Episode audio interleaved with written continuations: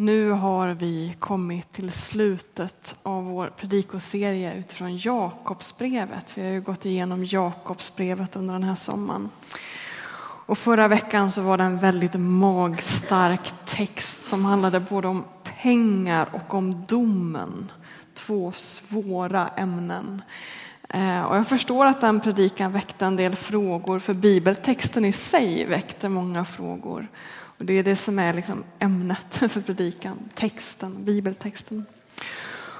Och dagens text är något enklare, men den är ändå tuff. Vi ska läsa den. Jakobsbrevet kapitel 5, vers 13. Får någon av er lida skall han be. Är någon glad ska han sjunga glädjesalmer. Är någon av er sjuk ska han kalla till sig de äldste i församlingen och de ska smörja honom med olja i Herrens namn och be böner över honom. Deras bön i tro ska rädda den sjuke och Herren ska göra honom frisk. Och har han syndat skall han få förlåtelse. Bekänn därför era synder för varandra och be för varandra att ni ska bli botade. Den rättfärdiges bön har kraft och gör därför stor verkan. Elia var en människa som vi, men när han bönföll Gud om att det inte skulle regna kom inget regn över landet på tre och ett halvt år. Sedan bad han igen och då gav himlen regn och jorden lät sin gröda växa. Mina bröder, om en av er kommer bort från sanningen, om någon för honom tillbaka, då ska ni veta, den som återför en syndare från hans villovägar räddar hans liv undan döden och gör att många synder blir förlåtna. Låt oss be. Jesus, tack för ditt ord som kan ge oss liv. Och nu ber jag, öppna våra hjärtan och låt våra liv få bli en god jordmån för ditt ord så att det kan växa och bära frukt. Amen.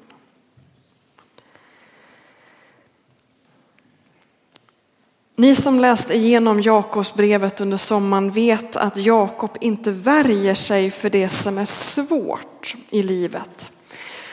Han skriver till en grupp kristna som är svårt prövade på många vis. Och Jakob vet att livet tillsammans med Jesus innebär både glädje och sorg. Ibland är det tufft, ibland är det lättare. Och han säger, får någon av er lida skall han be och är någon glad ska han sjunga glädjesalmer. Vad är det för salmer Jakob syftar Ja, det är ju inte psalmerna som vi har i vår psalmbok, för de är ju inte, var inte skrivna ännu vid den tiden, utan det är ju saltaren. Judarnas psalmbok, som var böner som man både läste och bad, men också sjöng. Och det finns både för och nackdelar med vår psalmbok, den vi har i bänkarna där, och Bibelns psalmbok. Fördelen med vår psalmbok är ju att de sångerna och de bönerna är ju präglade av det som Nya Testamentet berättar. Alltså, de är ju präglade av, av treenigheten, Fadern, Sonen och Anden. Medan psalmboken i, i Saltaren har ju den gammaltestamentliga gudsbilden. Men nackdelen med vår psalmbok är att det finns så lite plats för sorgen, vreden och klagan.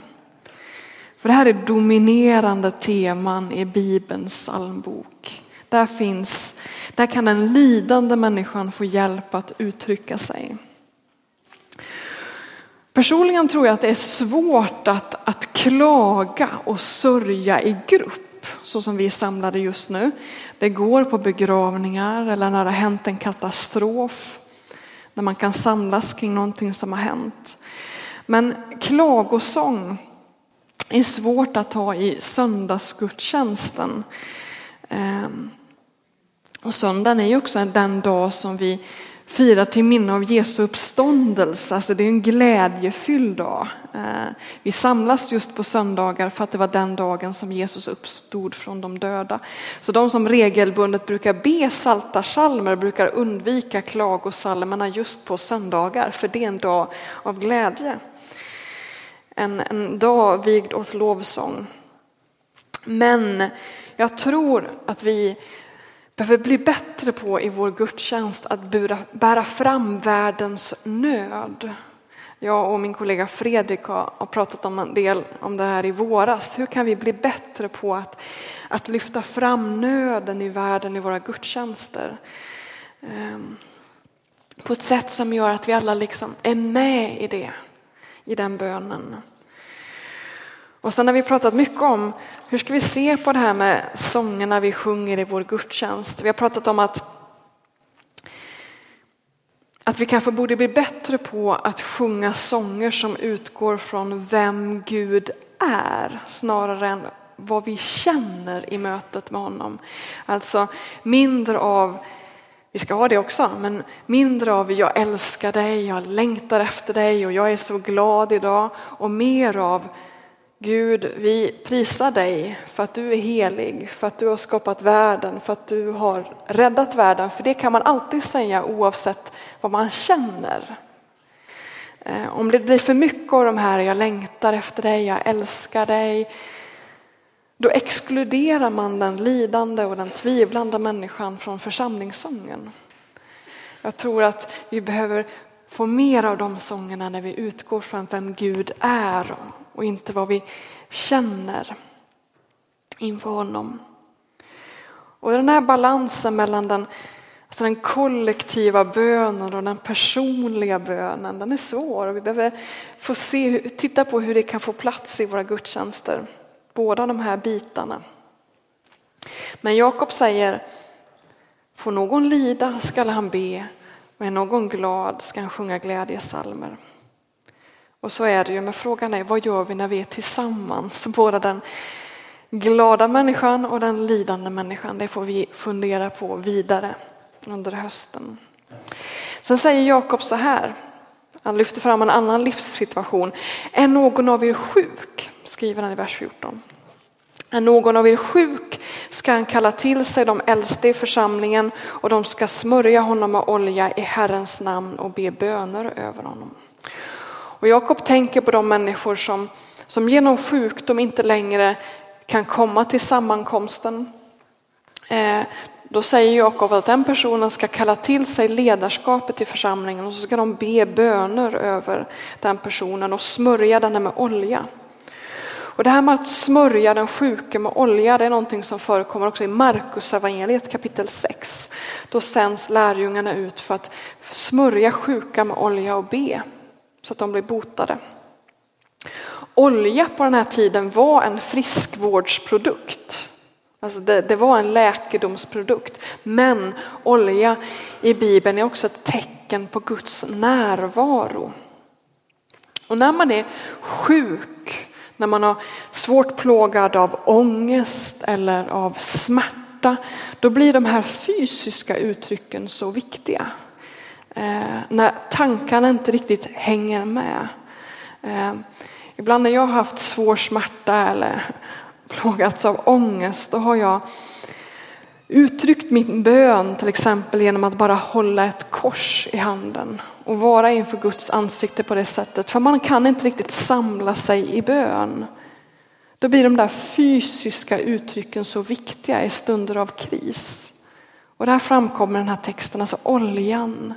När, en, när ens sinne kanske är så präglat av sjukdom att man inte riktigt förmår ta in alla böner som beds. Men man känner oljan. Och det, finns någonting som, det blir någonting man liksom kan klamra sig fast vid. Och så skriver Jakob vidare i vers 15. Deras bön i tro ska rädda den sjuke och Herren ska göra honom frisk och har han syndat ska han få förlåtelse. Bekänn därför era synder för varandra och be för varandra att ni ska bli botade. Den rättfärdiges bön har kraft och gör därför stor verkan. När vi läser den här texten så kommer den här frågan, hur, hur ska vi se på detta med sjukdom och helande egentligen? Eh, det här är ju faktiskt en text som praktiseras flitigt i vår församling. Blir någon allvarligt sjuk så händer det att vi i församlingsledningen smörjer den personen och ber för den personen att den ska bli frisk. Och ibland sker miraklet. Att det vänder och att den personen blir frisk. Men allt för ofta så sker ju det att sjukdomen eskalerar och personen dör. Och varför blir det så? Gör vi fel? Och I somras så kom det ut en bok som heter så här, den har gjort bokstånd här ute. Sjukdom och helande, att tro på Guds ingripande utan att förneka lidandet. En fin tecken, titel. Att tro på Guds ingripande utan att förneka lidandet. Det är en lärare på Örebro Missionsskola som har skrivit, eller redaktör för den här boken, heter Greger Andersson. Och jag har faktiskt med ett kapitel i den här boken också på titeln eh, Andlig vägledning när helandet dröjer. Så när ni är nyfikna på det så får ni köpa den här boken. Vi lever ju i en tid där detta med hälsa har blivit så viktigt. Eh, vi tror ju inte längre på det här med evigheten och ett liv efter detta så vi klamrar fast vid det här nuet och hälsa har blivit superviktigt för den, i den svenska kulturen. Och för Jesus var detta med hälsa också viktigt. Vi kan se i evangelien att det kryllar av berättelser där Jesus botar sjuka. Så för Jesus var detta med helande viktigt, men det var inte viktigast. Och vi ska gå, och göra en liten utvikning och gå till Matteus evangeliet kapitel 9. Då berättas det så här om Jesus. Han steg i en båt och for över sjön till staden där han bodde. Där kom, de till en, där kom det till honom med en lam som låg på en bår. När Jesus såg deras tro sa han till den lame, var inte orolig mitt barn, dina synder är förlåtna. Några skriftlärda sa då för sig själva, han hädar ju. Jesus såg vad de tänkte och sa, varför bär ni onda tankar i era hjärtan? Vilket är lättast att säga, dina synder är förlåtna, eller att säga, stig upp och gå. Men för att ni ska veta att Människosonen har makt här på jorden att förlåta synder. Och nu talar han till den lame. Stig upp, ta din bår och gå hem. Och mannen steg upp och gick hem. När folket såg det greps det av fruktan och prisade Gud som hade gett sådan makt åt människorna. Alltså här i den här berättelsen så är det ett gäng som bär fram en lam människa inför Jesus. Och det är ju uppenbart att de vill att han ska bota honom. Jag menar, Jesus har ju botat sjuka förut, de vet vad han är mäktig till. Och vad gör Jesus? Jo, han visar att hälsa är viktigt, men det är inte viktigast. I alla fall inte i den tid som nu är. Jesus säger var inte orolig mitt barn, dina synder är förlåtna. Det ser Jesus som det mest angelägna i den här situationen, att säga de här orden. Var inte orolig mitt barn, dina synder är förlåtna. För Jesus är synden det primära problemet. För Jesus är synden det primära problemet. Det var genom synden, syndafallet som allt elände ramlade in i den här världen. Och människor blir sjuka och dör eftersom vi har syndat.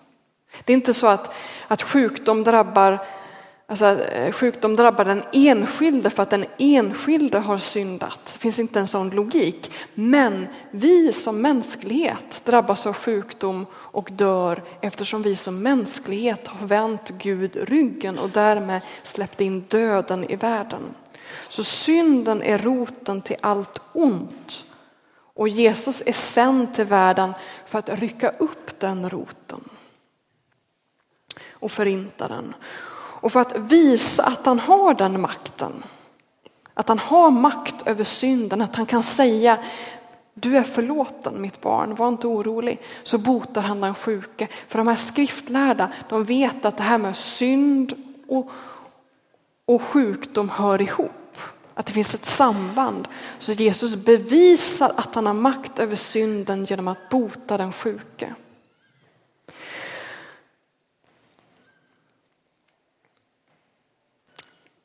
Alla som vänder sig till Jesus blir inte friska här i tiden. Och vi vet inte varför vissa blir botade och andra inte. Och det är just därför vi ska be.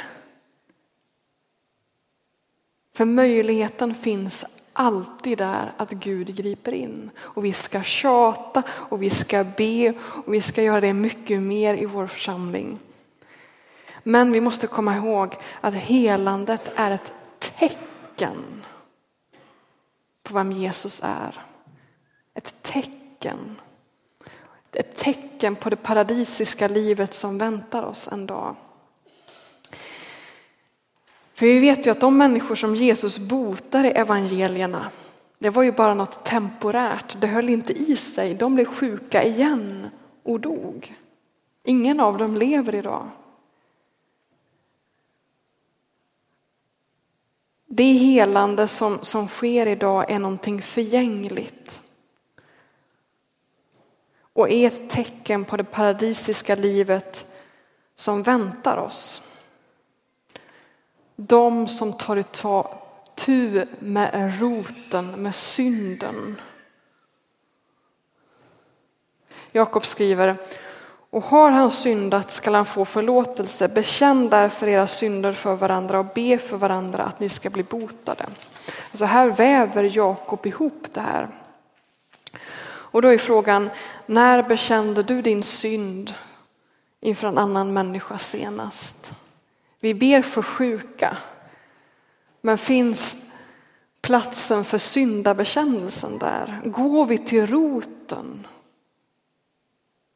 Eller ser vi bara på ytan? När någon blir allvarligt sjuk så gör vi allt som står i vår makt för att den personen ska bli frisk. Det blir så uppenbart att vi måste göra någonting. Men betraktar vi synden med samma allvar? Det som är liksom grundproblematiken. Och Jakob skrev i de sista verserna, mina bröder, om en av er kommer bort från sanningen och om någon för honom tillbaka, då ska ni veta, den som återför en syndare från hans villovägar räddar hans liv undan döden och gör att många synder blir förlåtna. När man ber för någon som är sjuk så, så, hindrar, så räddar man ju den personen tillfälligt från döden. Men det som verkligen kan rädda en människa har med det som har med synd att göra. Och genom kyrkans historia har man skilt på synd och synd. Den som följer Jesus faller ju gång på gång, alltså vi syndar dagligen. Men eftersom vi inte riktigt ser klart, eftersom vi inte riktigt har Jesu blick så kan vi inte alltid se det. Synd har ju inte bara med det onda vi gör utan också det goda som vi inte gör. I en syndabekännelse som finns i Svenska kyrkan till exempel så, så heter det Jag bekänner inför dig helige Gud att jag har syndat med tankar, ord, gärningar och underlåtelser. Det är ett lite krångligt ord men det betyder just det, allt det där vi skulle ha gjort men inte gjorde.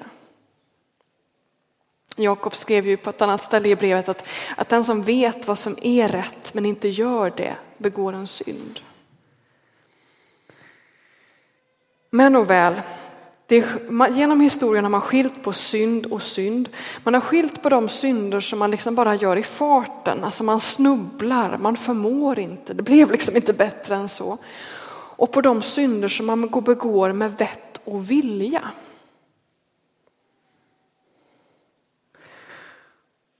Och som, som har med detta att göra att man vänder sanningen ryggen och plötsligt går åt ett annat håll. Och för 50 år sedan ungefär så hade vi en slags katalog över vilka de här synderna var. De som hörde till, liksom man bara snubblade i farten och de som, hade, som var allvarliga synder som, som, som liksom signalerade att nu med vett och vilja vänder man Jesus ryggen. Det där var ju inte en katalog som fanns på papper utan det satt mest i väggarna, eh, i medvetandet. Och tack och lov har vi skrotat den katalogen för det funkar inte så. Eftersom detta med frälsning och lärjungaskap är en process, någonting man växer in i, eh, så är det ju så att för vissa personer så, så är vissa synder någonting man gör i bara farten för att man inte har koll. Och för andra personer kan exakt samma synd vara någonting man gör med vett och vilja. Och det har vi genom historien inte skilt på. Alla synder är ju allvarliga, alla synder behöver vi Guds förlåtelse för, det är inte det jag säger. Men det är ju en sak om jag som pastor och teolog som har läst en massa böcker och, och forskat till exempel om jag skulle ingå i en sexuell relation utanför äktenskapet. Det skulle vara en, en allvarlig synd i den meningen att det är någonting jag gör med vett och vilja. För att jag har läst in mig på den frågan, jag har koll och jag har en ståndpunkt. Och att då göra någonting sånt som jag tror är fel, personligen, det skulle vara att synda med vett och vilja och det är att vända sanningen ryggen. Men om någon vandrar in här och blir en del av vår gudstjänstgemenskap och är nykristen som har väldigt dålig koll, skulle jag skulle ingå i en sexuell relation utanför äktenskapet, då är inte det att synda med vett och vilja på samma sätt. Det betyder inte att man har vänt Jesus ryggen. Hoppas att ni förstår vad jag menar. Alltså, genom vår historia så hade vi klassificerat och sagt att de här synderna, det, det betyder att man vänder Jesus ryggen. Det här, om man gör de här synderna, då betyder det att man har vänt sanningen ryggen och då behöver vi liksom springa efter den personen och ruska om den och säga vad håller du på med? Men så enkelt är det inte, det skiljer från person till person. För vi har alla olika kunskap, vi har alla olika koll på vad det står i den här boken. Och vi har olika klarsyn. Och det där måste man vara känslig för.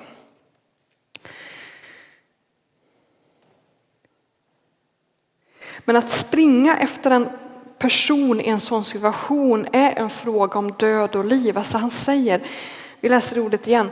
Mina bröder, om någon av er kommer bort från sanningen och någon för honom tillbaka, då ska ni veta den som återför en syndare från hans villovägar räddar hans liv undan döden och gör att många synder blir förlåtna. Alltså det är allvar att rädda någon från döden. Och genom historien har ett medlemskap i en baptistisk församling, som ju vi är, inneburit att man deklarerar för andra att jag vill att ni springer efter mig om jag vänder er ryggen. Det betyder det. Att vara medlem i den här församlingen betyder att man deklarerar just detta. Jag vill att ni springer efter mig om ni märker att jag börjar springa åt fel håll. Och sen är det ju en jätte, någonting man verkligen behöver fundera på hur man gör det på ett bra sätt. Men vi behöver fundera på det. Och min fråga in i den här predikan, och nu går vi mot avslutningen, är alltså tar vi detta med synd på allvar? Förstår vi att detta med synd är allvarligare än cancer? Delar vi Jesu världsbild av att det primära, det viktigaste är att ta tag i det som har med synd att göra? Jag ska avsluta med att, att läsa ett stycke ur den här boken. Hädan efter blir vägen väglös av Peter Halldorf. Det finns vissa böcker som jag har läst mer än tre gånger och det är den här boken. Jag återvänder jag ofta till. Eh, var så jag fick reda på att jag delar födelsedag med Levi Petrus. Det är mina vänner.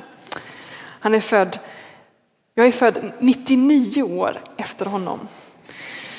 Han är född 1884 och jag 1983, den 11 mars. Mm. Det står en hel del om pingströrelsen här och då berättar Peter om en profetia som nedtecknades i pingströrelsens barndom 1906 i USA. Jag tänker ofta på de orden, vi får upp det på väggen.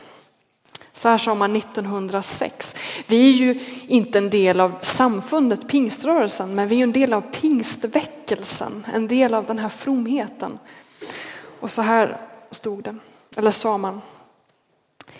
I de sista dagarna kommer tre ting att ske med den stora pingströrelsen.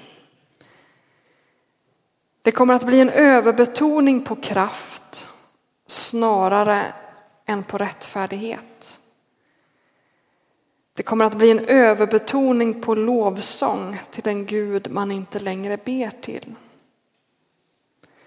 Det kommer att bli en överbetoning på andens gåvor snarare än på Kristi herravälde. Alltså man behöver ju båda de här sakerna. Det som den här profetian tar upp är ju att, att båda behövs, men det finns en fara i överbetoningen på någon av dem. Vi ska be för sjuka, vi ska göra det ännu mer. Men jag tror också behöver ta detta med rättfärdighet på allvar. Vad är det? Bryr vi oss om det? Får bönen plats i våra gudstjänster? Eller sjunger vi bara? Det är någonting att fundera på inför hösten.